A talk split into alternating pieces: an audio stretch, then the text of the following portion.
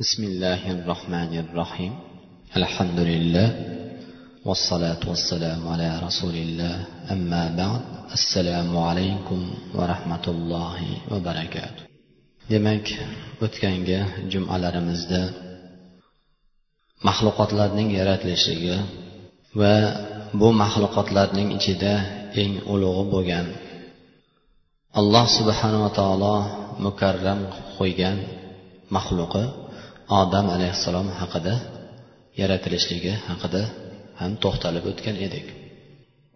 Chunki bu alloh subhanava taolo nechi ming son sanoqsiz bo'lgan maxluqotlarni yaratgan bo'lsa shu maxluqotlarning ichida eng ulug'i eng afzali bu insoniyat ya'ni sizu biz ekanligimizni alloh subhanava taolo o'zining kalomida alohida ta'kidlab o'tdi. Chunki valaqodi karromna bani adam. Biz odam va uning zurriyotini mukarram qilib qo'ydik. Ya'ni ulug'lab qo'ydik deb alloh subhana taolo bayon qildi. Va alloh subhanava taoloning azaliy ilmi bilan odam alayhissalomning yaratdi. Va jannatidan alloh subhana taolo bunga qaror berdi makon va juftini havoni o'zining odam alayhissalomdan yaratdi. Vaqtiki alloh subhanava taolo bularga jannatdan joy berdi va bu yerda alloh subhanava taolo bularga hamma jannat ne'matlarini muboh qildi. Xohlaganini yeydigan xohlagan narsasini ichadigan rohat farog'atni berdi. Lekin alloh subhanava taolo o'zining azalimi azaliy bo'lgan ilmiga muvofiq bir daraxtdan bularni nahiy qildi. Ya'ni shu daraxtdan tanovul qilishlikni. Lekin ushbu daraxt haqida ko'pchilik odamlar ba'zi birlarimiz qanaqa daraxt ekan nima edi u degan narsa E, tortishuv shu masalalar ko'tariladi. Shuning uchun birodarlar bu daraxtning ba'zi bir ulamolar u undoq ya'ni e, anjir degan va hokazo boshqa boshqa daraxt deb aytib o'tilgan uzum degan. Lekin bu narsani bizga e'tibori yo'q ekanligini alloh subhanava taoloning o'zi qur'onda bayon qildi. Agar bizga bu daraxtni qaysi daraxtni yeganligi muhim bo'lganda alloh albatta uni zikr qilgan bo'lardi. Shuning uchun nima qanaqa daraxt ekanligini nima ekanligi bilan bu narsa bilan mashg'ul bo'lishligimizni hojati yo'q keragi yo'q. Buni o'rniga biz subhanalloh deydigan bo'lsak ana shu jannatda bir marta subhanalloh deyish evaziga olloh jannatdagi joyimizda bir daraxt o'tqizar ekan. Shuning uchun shunaqangi keraksiz masala ya'ni insonni bilmasa ham zarari yo'q bo'lgan ilmda birodarlar bizni tortishuv masala ixtilof bo'lishlikka hech hojati yo'q. Bu insonni albatta jaholi johilligini alomati sahobalar bir birlaridan agar bir masala so'raydigan bo'lsa bir nasihat so'raydigan bo'lsa so'rasharkanlarki bizga bir shundoq so'z aytingki bizga foyda bo'lsin o'zingizga ziyon bo'lmasin degan savol bilan so'rashar ekan. Ya'ni bizga foyda eshitganlar. Ya'ni shunga manfaatlanadi. Dunyo oxiratda. Lekin aytgan odamga ziyon yetmaydi. Ya'ni aytgan odamga alloh subhanava taolo qiyomat kunida har bir og'zijan og'zidan chiqqan bir so'z uchun qayerdan olib gapirding? Nimaga bundoq deb so'zlading deydigan savoldan omon qoladigan saqlanadigan ya'ni shundoq bir so'z ayting derkanlar bundoq so'z qaysi so'z? Bundoq so'z ya'ni alloh va rasulining so'zi va to'g'ri so'z haq so'z gunoh bo'lmagan so'z. Shuning uchun bu daraxt masalasida tortishib umrimizni behuda o'tkazgandan ko'ra umrimizni boshqa foydali qalbimizga ham dinimizga ham manfaatli bo'lgan yo'lini axtarishimiz kerak. Va ushbu oyat وقلنا يا آدم اسكن أنت وزوجك الجنة وكلا منها رغدا حيث شئتما ولا تقربا هذه الشجرة فتكونا من الظالمين biz aytdikki odamga sen va ah-, ah-, zavjing mana ahling bilan ushbu jannatda ya'ni qaror topgin. Va bu narsadan xohlagan narsalaringni yenglar. Lekin ushbu daraxtga yaqinlashmanglar. Agar sizlar bu daraxtga yaqinlashib bu daraxtni tanovul qiladigan bo'lsalaring fatakuna sizlar o'zlaringga zulm qilgan ahldan bo'lib qolasizlar deb olloh qaytardi. Demak ushbu daraxtni yeyishlik ham allohning azaliy ilmi bilan birodarlar. Chunki jannatda gunoh bo'lmaydi. Jannat gunoh bo'lmagan solih odamlar uchun hozirlab qo'yilgan.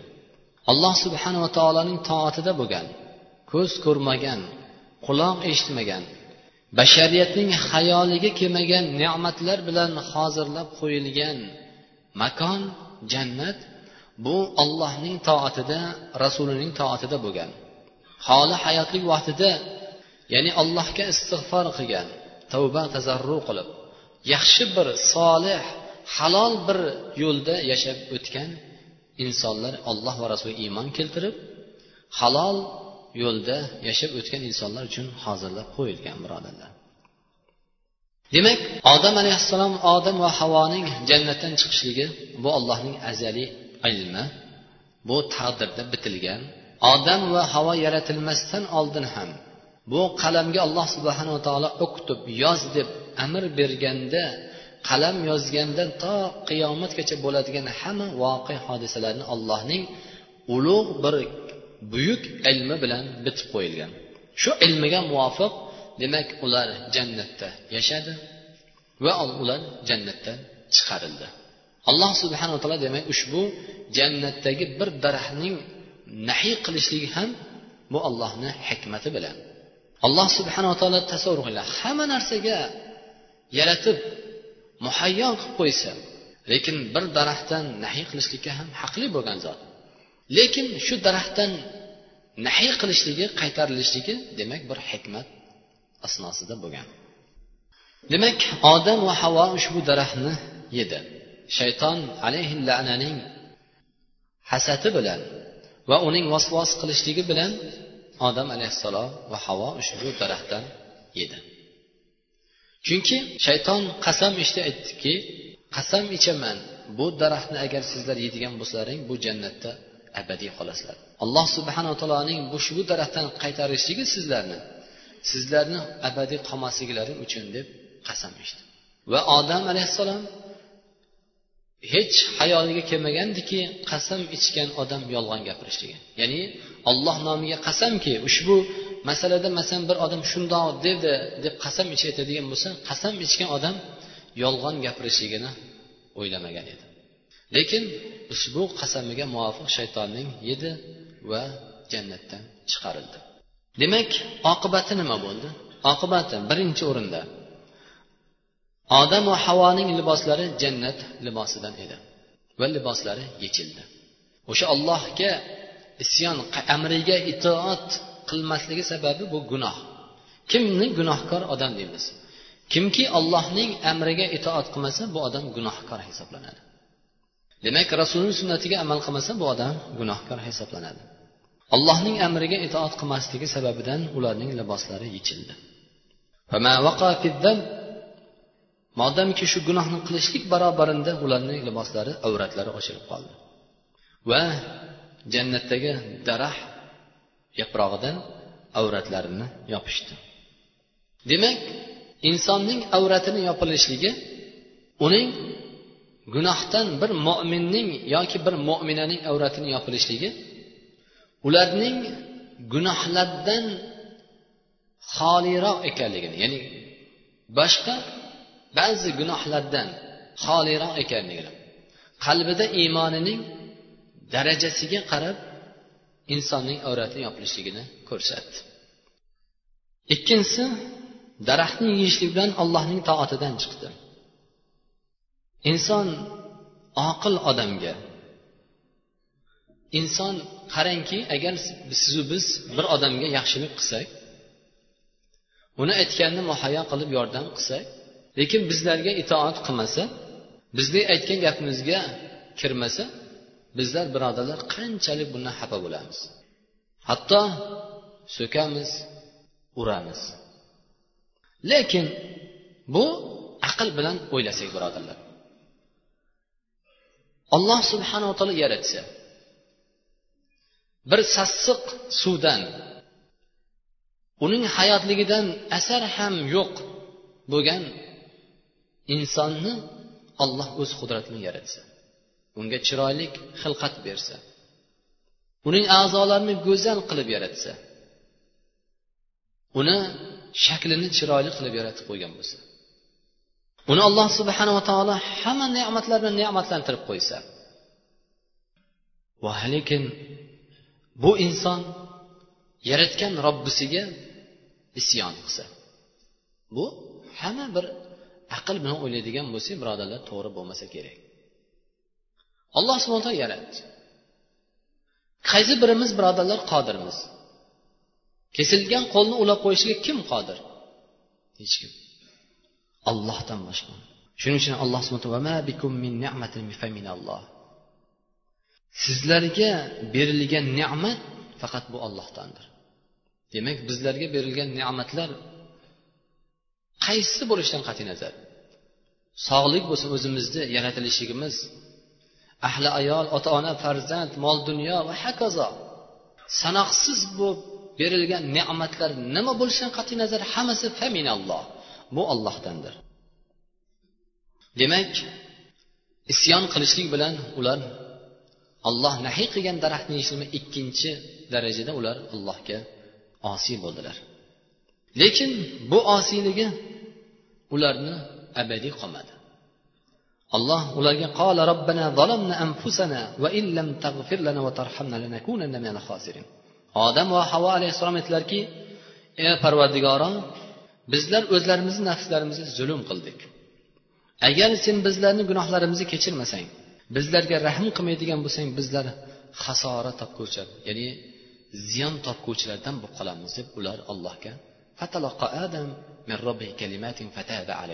shu fataloqqa adam ya'ni alloh subhanava taolo ushbu aytilgan odam alayhissalomning kalimasini ushbu oyatda arof surasida bayon qildi ya'ni odam va havo qilgan gunohlarni orqasidan allohga tavba tazarru qildilar uchinchisi odam alayhissalom aytdilarki ibn abbos roziyallohu rivoyat qilgan hadislarda fataloqa adam min robbi kalimatin fataba alayh qol qola adam aytdiki odam ya robbiy ey parvadigoro meni o'z qo'ling bilan yaratmadingmi? Bala unga aytildiki ha bala. Va menga o'z ruhingdan puflading puflamadingmi? Qiyla bala. Aytdiki bala aytildi unga bala. Agar men senga tavba qilsam parvardigoro qilgan bu gunohimga tavba qilsam sen meni shu jannatga qaytarguvchimisan? Deb so'radi. Alloh subhana taolo qola naam. Ha. Demak inson gunoh qilib agar unga tavba qiladigan bo'lsa olloh gunohni mag'firat qiladi. Kim bo'lishidan qat'iy nazar va qandoq gunoh bo'lishidan qat'iy nazar birodarlar? U gunohlari qaysi darajada bo'lishidan qat'iy nazar? Agar shu inson qilgan gunohiga tavba haqiqiy tavbatun nasuha o'sha shariatda belgilab berilgan shartlarga muvofiq tavba qiladigan bo'lsa birodarlar alloh gunohimizni mag'firat qiladi. Sizlar o'ylamaylikki biz shu bizni bo'larimiz bo'ldi ba'zi birlar o'zlari xafa bo'ladi. Ya biz bo'larimiz bo'ldi qilgan ishimizni qilib qo'ydik endi mayli nima bo'lsa bo'ldi bu yoq deyishadi. Demak o'sha bu o'zlariga berilgan hukmdir.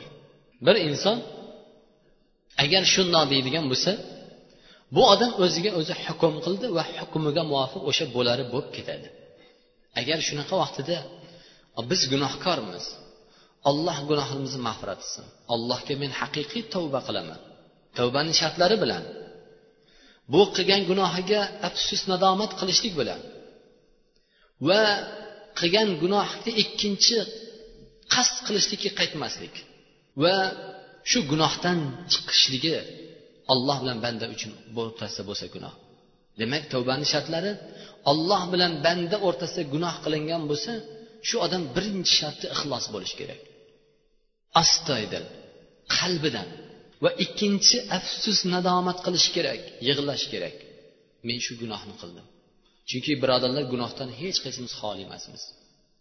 Hatto payg'ambarlar ham kichkina gunohdan xoli emas. Ular lekin allohning fazli bilan ma'sumdir. Lekin payg'ambarlardan boshqa bironta bir inson gunohdan xoli emas birodarlar. Gunohkormiz. Shuning uchun afsus nadomat qilishimiz kerak. Bir gunohni qiladigan bo'lsak. Afsus nadomatlar qilib kechalari turib allohga tahajjud namozlar o'qib istig'for aytib tavba tasarruf qiladigan bo'lsak albatta bu ikkinchi shart.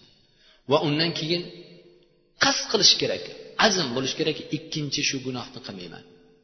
Birodarlar man ikkinchi bu gunohni qilmayman deb tilimiz bilan million marta aytsak lekin qalbimizda bir marta aytmasak bu tavba tavba bo'lmaydi. Chunki tavbani kim qabul qiladi? Tavbani olloh qabul qiladi. Demak olloh insonni sizu bizlarni qalbimizda qul in kuntum tuhfu ma fi aw tubduhi alamulloh. Sizlar aytingki ularga ey muhammad qalblarda in kuntum ya'ni sizlar qalblaringizda yashirib turgan narsani ham oshkora qilgan narsani ham bilguvchilar. Demak qasd qilish kerak.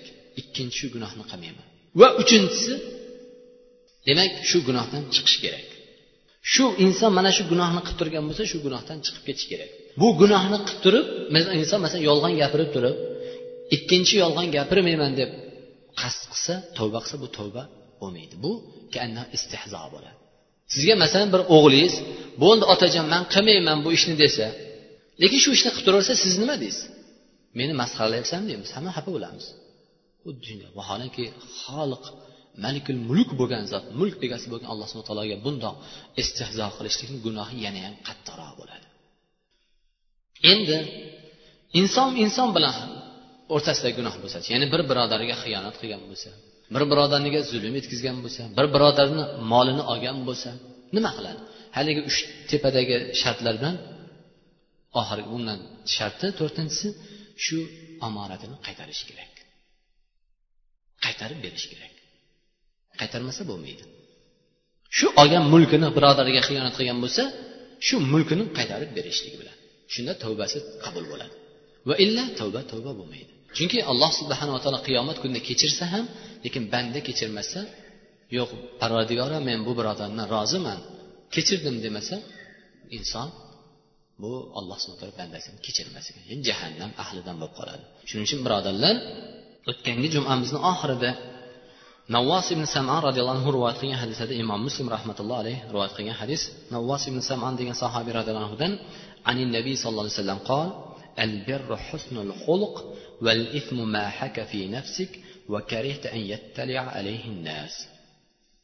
payg'ambarimiz sallallohu alayhi vasallam aytdilarki yaxshilik bu husnul xulq xulqning chiroyli go'zalligi. Demak bir inson yaxshilik qilsa bu insonning xulqining go'zalligini alomati hamma ham yaxshilik qilavermaydi birodarlar. Hamma ham allohga ham bandasiga ham yaxshilik qilavermaydi birodarlar illa chiroyli xulq egalarigina va val ism dedilar gunoh dedilar hak insonning qalbini tindalaydigan narsa nafs. Insonni birov aytmasa sen gunoh qilibsan demasa ham lekin qalbi qiynaladi. Va odamlarni shu qilgan gunohni bilishligidan qo'rqadi qo'rqib xafa bo'ladi. Yomon ko'radi. Ya'ni shu gunohni odamlar bilib qolmasin. Yo falonchi bilmasin falonchi ko'rmasin pistonchi bilmasin degan narsa qalbida doim qo'rquv bo'ladi. Demak biz gunohlardan xoli bo'lsak qancha qo'limizdan kelgancha fattaqulloh allohdan qo'rqqanimizga taqvo qilib shu gunohlardan saqlanadigan bo'lsak birodarlar qalbimiz o'zimizni o'zimiz qalbimiz qiynalmaydi. Birovni emas o'zimiz qiynalmaymiz. U mol dunyo ko'payishi bilan birodarlar inson xotirjam bo'lmaydi balkim aksi bo'ladi.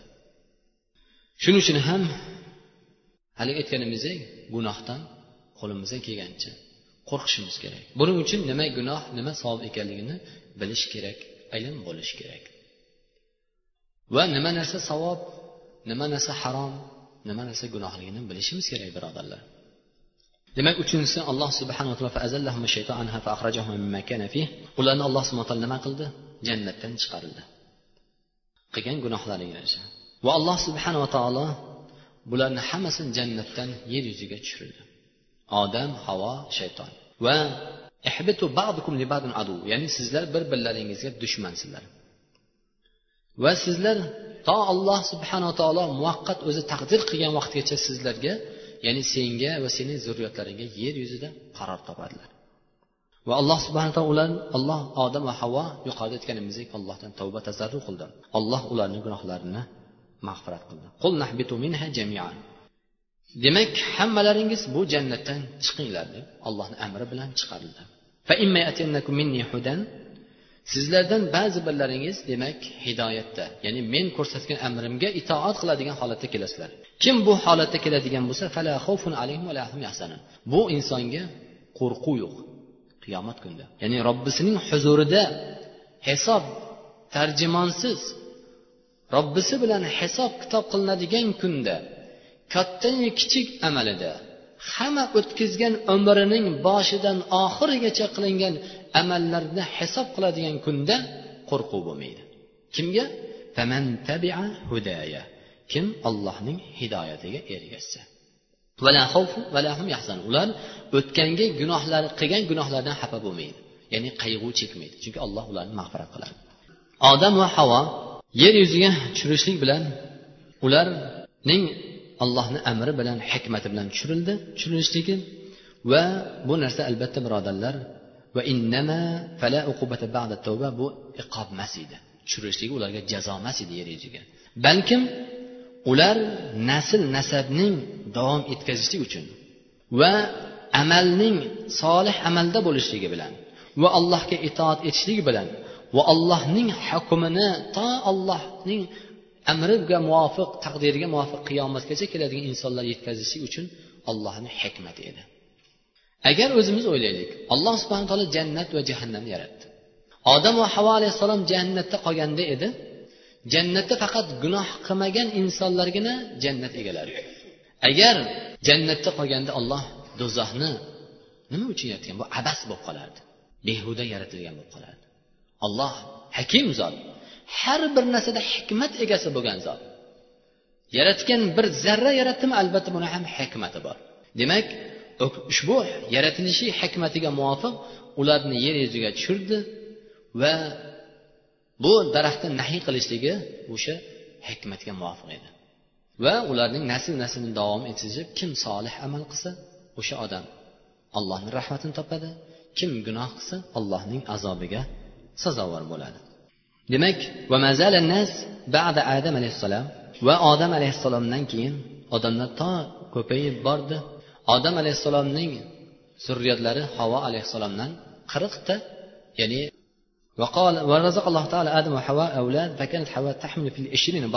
ya'ni yigirmata juft juft bo'lgan farzand ko'rdi. Odam va havo farzandlari yigirmata homilador bo'ldi yigirmata va hammasi egizak juft juft edilar demak qirqta farzandi bo'lgan. Va bularning nikohlanishligi birinchi qorin bilan ikkinchi qorin nikohlanardi ikki tug'ilgan juft bir nikohlanmasdi. Bu shariatda o'sha vaqtdagi shariatni hukmi shundoq edi.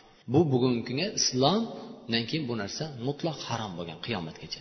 Demak opa singillarni aka ukalar nikohlanishligi bu ko'pchiligimizga ma'lum. Demak nikohlanishligi harom abadiy qat'iy harom bu narsa lekin bu odam alayhissalomning sunnatida bu zamonida shu narsa allohni hukmi bilan bu halol bo'lgan edi. Bizlarni masalamiz ayollar masalasida edi. Inson va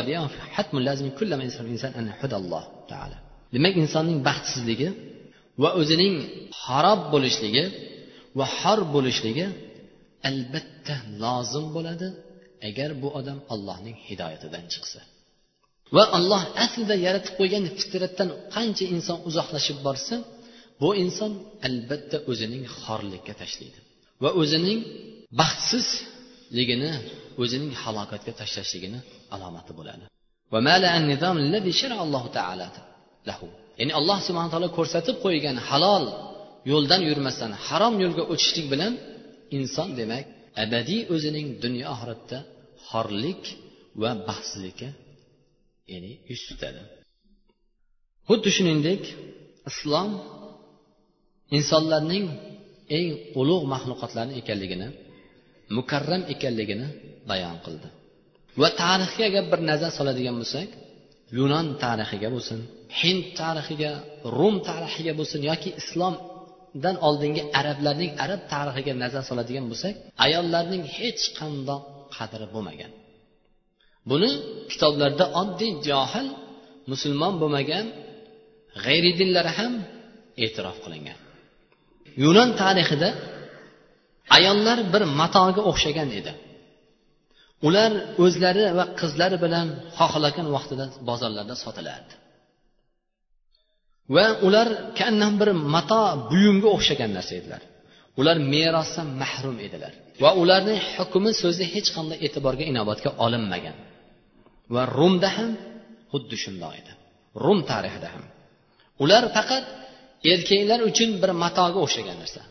Xohlasa uni xotin qiladi xohlasa uni sotib yuboradi xohlagan narsasini uni hech qanday biron bir mol mulkka egalik haq huquqi yo'q edi.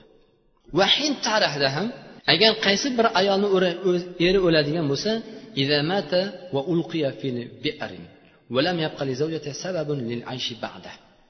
demak hind tarixida agar er o'ladigan bo'lsa ayolini quduqqa tashlanardi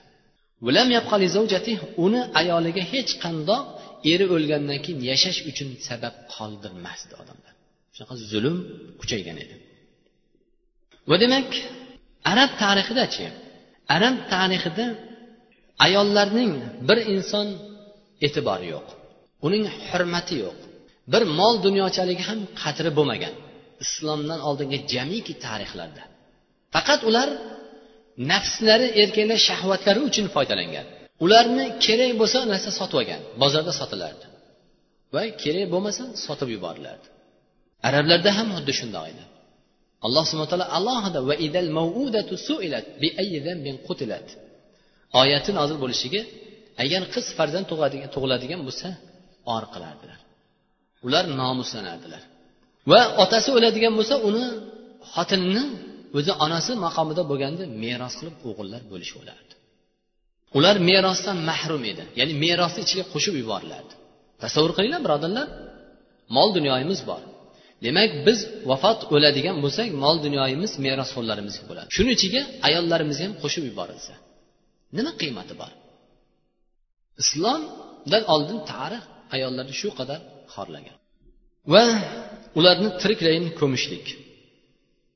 Tiriklayin tirik turgan qizni olib borib ko'mishlik. Arablarda bo'lgan. Demak islom keldi. Nima olib keldi? Demak islom ayol kishiga لقد عاد الإسلام بالمرأة إلى الهدى الذي أنزل الله تعالى خير البشر على الإنسان الأول آدم عليه السلام آدم عليه السلام نازل قيان hidoyatni islom yana qaytardi erkak ayollarga. Ularning barobar ekanligini bir biridan hech qanday farq qilmasligini allohning nazdida hammasi barobar inson barobar ekanligini alloh subhana taolo ko'rsatdi va dinimiz o'rgatdi. Va ularning insoniyatlik holatda barobar ekanligini o'rgatdi. Ularning teng qildi islom birodarlar. Erkak ayolning teng insoniyat ekanligini ko'rsatdi. Alloh subhanaa taolo niso surasida ey odamlar robbilaringizdan qo'rqinglar. Qaysiki sizlarni bir nafsdan yaratdi ya'ni odamdan. Va minha zawjaha va undan juftini yaratdi. Va va undan juda ko'p erkak va ayollarni tarqashiga sabab qildi. Chunki odam va havoning farzandlaridan sizu bizlar tarqaldik. Va vattaqulloh ollohdan qo'rqinglarki sizlar albatta rahm haqida so'ralasa ya'ni qarindosh urug'chilik haqida silay rahm qilgansizlarmi qilmagansizlarmi albatta hisob qilinasizlar. Albatta alloh subhana taolo sizlarni muroqaba qilib turguvchi zotdir. Va rasululloh sollallohu alayhi vasallam aytdilarki albatta ayollar erkaklarning birodarlar ya'ni tug'ishganlari. Ya'ni farqi yo'q. Bu ayol kishi deb uni hamma narsaga u erkak kishi xo'jayin bo'ladigan yo faqat erkak kishini hukmi bilan hukm qilinadigan narsa emasligini ko'rsatdi. Balkim ayollarning ham o'zini qadri borligini ko'rsatdi. Chunki sizu biz erkaklar ham shu ayollarning va erkaklarning zurriyotimiz. Agar erkak kishi o'zi bo'lsa ayol kishi bo'lmasa insoniyat tarqamagan bo'lardi. Demak sizu bizlarning tarqashimizga sabab shu ayol va erkakdir. Va payg'ambarimiz sallallohu alayhi vasallam har bir tug'ilayotgan chaqaloq fitratda sof islomda tug'iladi. Uni ota onasi yahudiy qiladi yo nasroniy yoki majusiy qiladi dedilar. Demak har bir tug'ilayotgan inson nima uchun islomda bo'ladi ota onasi uni musulmon qiladi deb zikr qilmadi? Chunki inson yangi tug'ilgan chaqaloq qayerda kim bo'lishidan qat'iy nazar qaysi oiladan vujudga kelishidan qat'iy nazar albatta islomda tug'ilar ekan. Lekin buni dinga qaysi yo'lga zalolatga botil yo'lga ketishligiga ota ona sabab bo'ladi dedilar. Uning ota onasi dedilar. Va xilqatda ham barobar yaratilishida alahin kana al-isban yaqul isban o'sha oldin. Ihdaril mar'atil fosida ya'ni fasid fosiq ayoldan qochgin. Vala tarkan ilal mar'atil fodila va fozila ayolga ham bo'yin egmagin dedilar. Ularda qoida shiori shundoq edi. Ila tavrat mubaddala islom kelgandan keyin luqay luqarrira anna an-nassa rajul wal mar'a sawa. Islom kelgandan keyin erkak va ayolning nafsi barobar ekanligini ko'rsatdi. Va ularning faqat farqi iymonda va xulqda farqlanishligini. Va kim aziz bo'laman deydigan bo'lsa bu inson iymon va xulqqa ega bo'ladigan bo'lsa chiroyli xulqqa bu odam azizdir. Erkak va ayol bo'lishidan qat'iy nazar yosh katta bo'lishidan boy kambag'al bo'lishidan qat'iy nazar.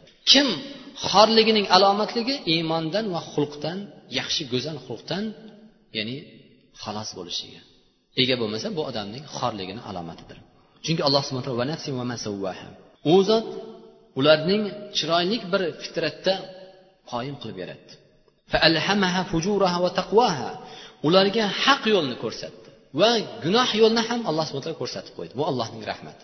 Qarangki alloh subhana taolo sizu bizlarni yaratib endi bilganlaringni qilaveringlar mana sizlarni yaratdim. Sizlarga mana jannat do'zaxni yaratib qo'ydim demadi.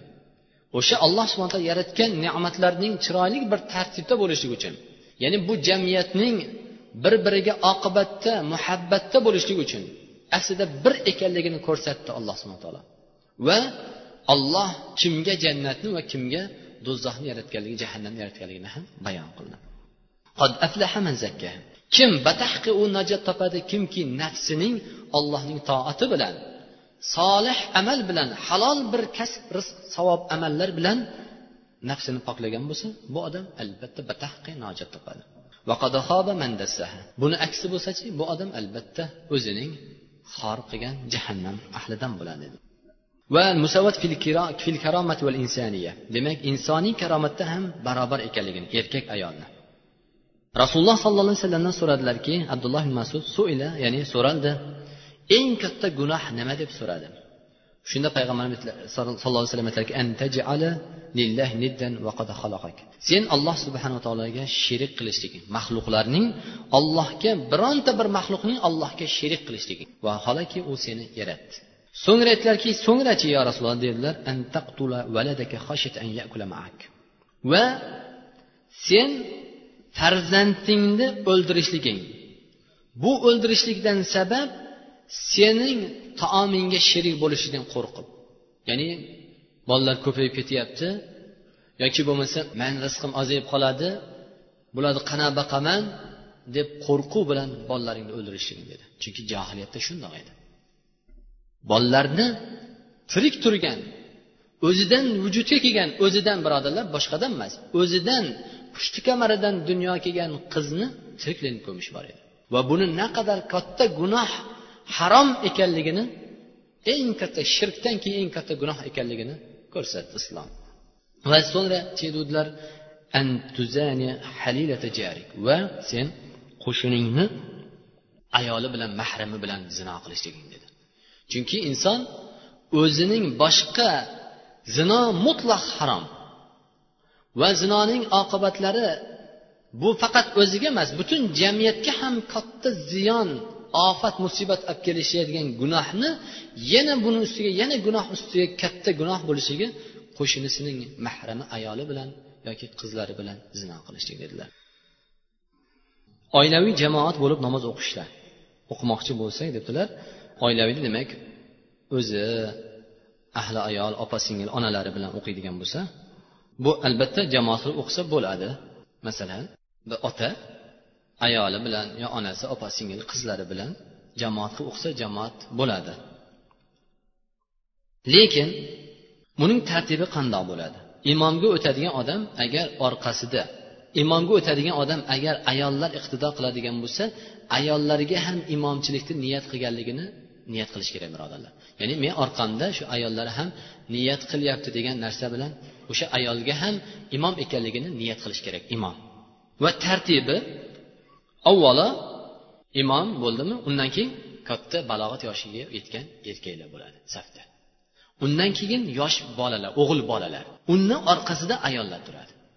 Demak ikkita safda bir namozga bir imomga iqtido qilinganda degan ayol kishi bo'lib uni yonida erkak kishi bo'ladigan bo'lsa barobar bitta safda turadigan bo'lsa namoz namoz bo'lmaydi degan. Namozi bo'lmaydi ularni. Fosil bo'ladi. Haligi orqada turgan odamga imomniki namoz bo'laveradi. Shuning uchun tartibi imomning orqasida birinchi katta odamlar erkaklar turadi. Balog'at yoshiga yetganlar balog'at yoshiga yetganlar. Undan keyingi safda yosh bolalar balog'at yoshiga yetmagan o'g'il bolalar. Undan keyingi safda ayollar turadi. O'g'il demak onaga imomlik o'tsa bo'ladimi? Bo'ladi. Demak odam ota davrlarida odamlar omi johil bo'lganmi degan savol berdilar. Birodarlar biz aytdikki payg'ambarlarning avvali odam alayhissalom odam alayhissalom payg'ambar bo'lgan. Demak jamiki o'tgan payg'ambarlarning eng avvali odam alayhissalom. Va sizu bizlarni otamiz odam ekanligini. Endi kimnidir ota onasi maymun bo'lgan bo'lishi mumkin lekin bizlarni birodarlar xotirjam bo'linglar. Otalarimiz ajdodlarimiz odam bo'lgan inson bo'lgan. Va ularning eng avvali odam alayhissalom bo'lgan. Va payg'ambar bo'lgan. Payg'ambarlar noqisatil aql bo'lmagan. Yalang'och yuradigan avratlarni ochadigan odam bo'lgan. Bunaqangi gunohlar payg'ambarlardan mumkin emas. Ma'sum bo'lgan zotlar. Birodarlar payg'ambarlar katta gunohlardan. Lekin kichik gunohlar qilgan lekin alloh subhana darhol bildirib ular tavba qilgan. Xuddi odam alayhissalomga o'xshab lekin ular omi bo'lmagan. Chunki payg'ambarlarga bu xilof narsa aqliga. Ularning fazilatiga xilof narsa. Alloh subhana ularni yaratdi va alloh subhana ularga hamma narsani ism sifatini va allama adamal asma kullaha thumma aradahum alal malaika. Bir insonni alloh subhana yaratsa buni omi qilib ahli yetmaydigan qilib qo'ysa bu bo'lishi mumkin lekin bu bizlarga o'shalarni yaratilishligi bizlarga hikmat. Lekin odam alayhissalomni olov yoqishni bilmay ovqat qilishni bilmay bu narsalarni alloh subhana taolo rivoyat ko'p. Isroiliyatlarda keyin boshqa e, tarix ulamolarimiz zikr qilgan. Alloh subhana taolo bularni jibril alayhissalom orqali odam alayhissalomga o'rgatgan. Taom pishirishni va ismlarni hamma narsani kiyim qandoq nima qilishlikni va ular avratni yopishligini va er xotin o'rtasidagi muomalalarni farzandlarni hammasini o'rgatgan. Chunki olloh payg'ambarlarga vahiy qilib bildirgan. Bir kitobda odam atodan oldin ham odamlar jamoasi yashagan deb yozibdi. Yo'q birodarlar bo'lmagan. Odam alayhissalomdan oldin odamzod insoniyat bo'lmagan. Chunki birodarlar biz bir narsani olganimizda g'aybiy narsa bo'lgandan keyin biz bir narsa deyishga haqqimiz yo'q. Illa olloh va rasuli aytgan. Endi ko'p narsalar isroillardan bani isroil qavmidan kelgan rivoyat afsonatlar kelgan. Din rivoya afsona bilan emas. Din bu qur'on va sunnat bilan. Kim dinini salomat saqlayman deydigan bo'lsa olloh va rasuliga topshirmaguncha dinda salomat bo'lmaydi. Demak olloh va rasuli bizga shundoq hukm keldimi? Bo'ldi shundoq hukm. Falonchi rivoyatda aytgan ekan bundoq bo'lgan ekan degan narsa birodarlar dinda ketmaydi. وصلى الله على سيدنا نبينا محمد وعلى آله وصحبه أجمعين الله hammalarimizni iymonda ibodatda sobit odam qilsin. O'zini haq yo'lidan adashtirmasin. Olloh qalblarimizni isloh qilsin. Birodarlar yana takror taklif etaman qancha gunoh qilmasalaring faqat o'zlaringni rohatlaring. Nafaqat oxiratda balkim shu dunyoda ham rohatlanishlaringni asosiy sababi birodarlar bu savob solih amalda. Shuning uchun ba'zi endi birodarlar ko'p birodarlar savol berishadi nima qilsa iymon ziyoda bo'ladi. Iymonni ziyoda qiladigan narsa ilojini boricha birodarlar qo'limizdan kelganicha jamoatda namozni ado qilishligimiz va alloh subhana taolo bergan ne'matlariga iymon ne'matiga mana bu berayotgan tinchlik yurtimiz vatanimiz tinchlik xotirjamlik ne'matiga bergan alloh bergan aql ne'matlariga shukronalarni ziyoda qilsak to'g'ri fikrlab inshaalloh birodarlar iymonimizni ziyoda bo'lishiga va alloh subhana taolo bergan ne'matni kim shukur qiladigan bo'lsa alloh va'da qildi men. Agar shukur qilsa men ziyoda qilib beraman dedi. Alloh yana ham ziyoda bo'lishiga sabab bo'ladi. Mabodo agar birontamiz gunoh qiladigan bo'lsak birodarlar albatta gunohdan xoli emasmiz. Lekin orqasidan albatta darhol istig'for tavba tazarru qilib yig'lab allohga bir xayrlik amalni savob amalni qilib qo'yinglar. Shunda qilgan gunohni diqqatchiligini haligi narsa ketkazadi. Chunki payg'ambarimiz sallallohu alayhi vasallam agar bir sayya gunoh qiladigan bo'lsang uni orqasidan darhol yaxshi bir savoblik amalni qilgin dedilar. Chunki haligi gunohni yuvadi o'chiradi. Qalbni poklaydi. Va sallallohu sayyidina muhammad alloh hammalarimiz iymonda ibodatda sobit qadam qilgin. Parvardigora ushbu birodarlarimiz duo talabida ekan. Farzandlarini o'g'il qizlarini chiroyli bir soliha solih bir juft halollar so'ragan ekan alloh hammalarimizni ham o'zlarimizni alloh solihlardan qilgin.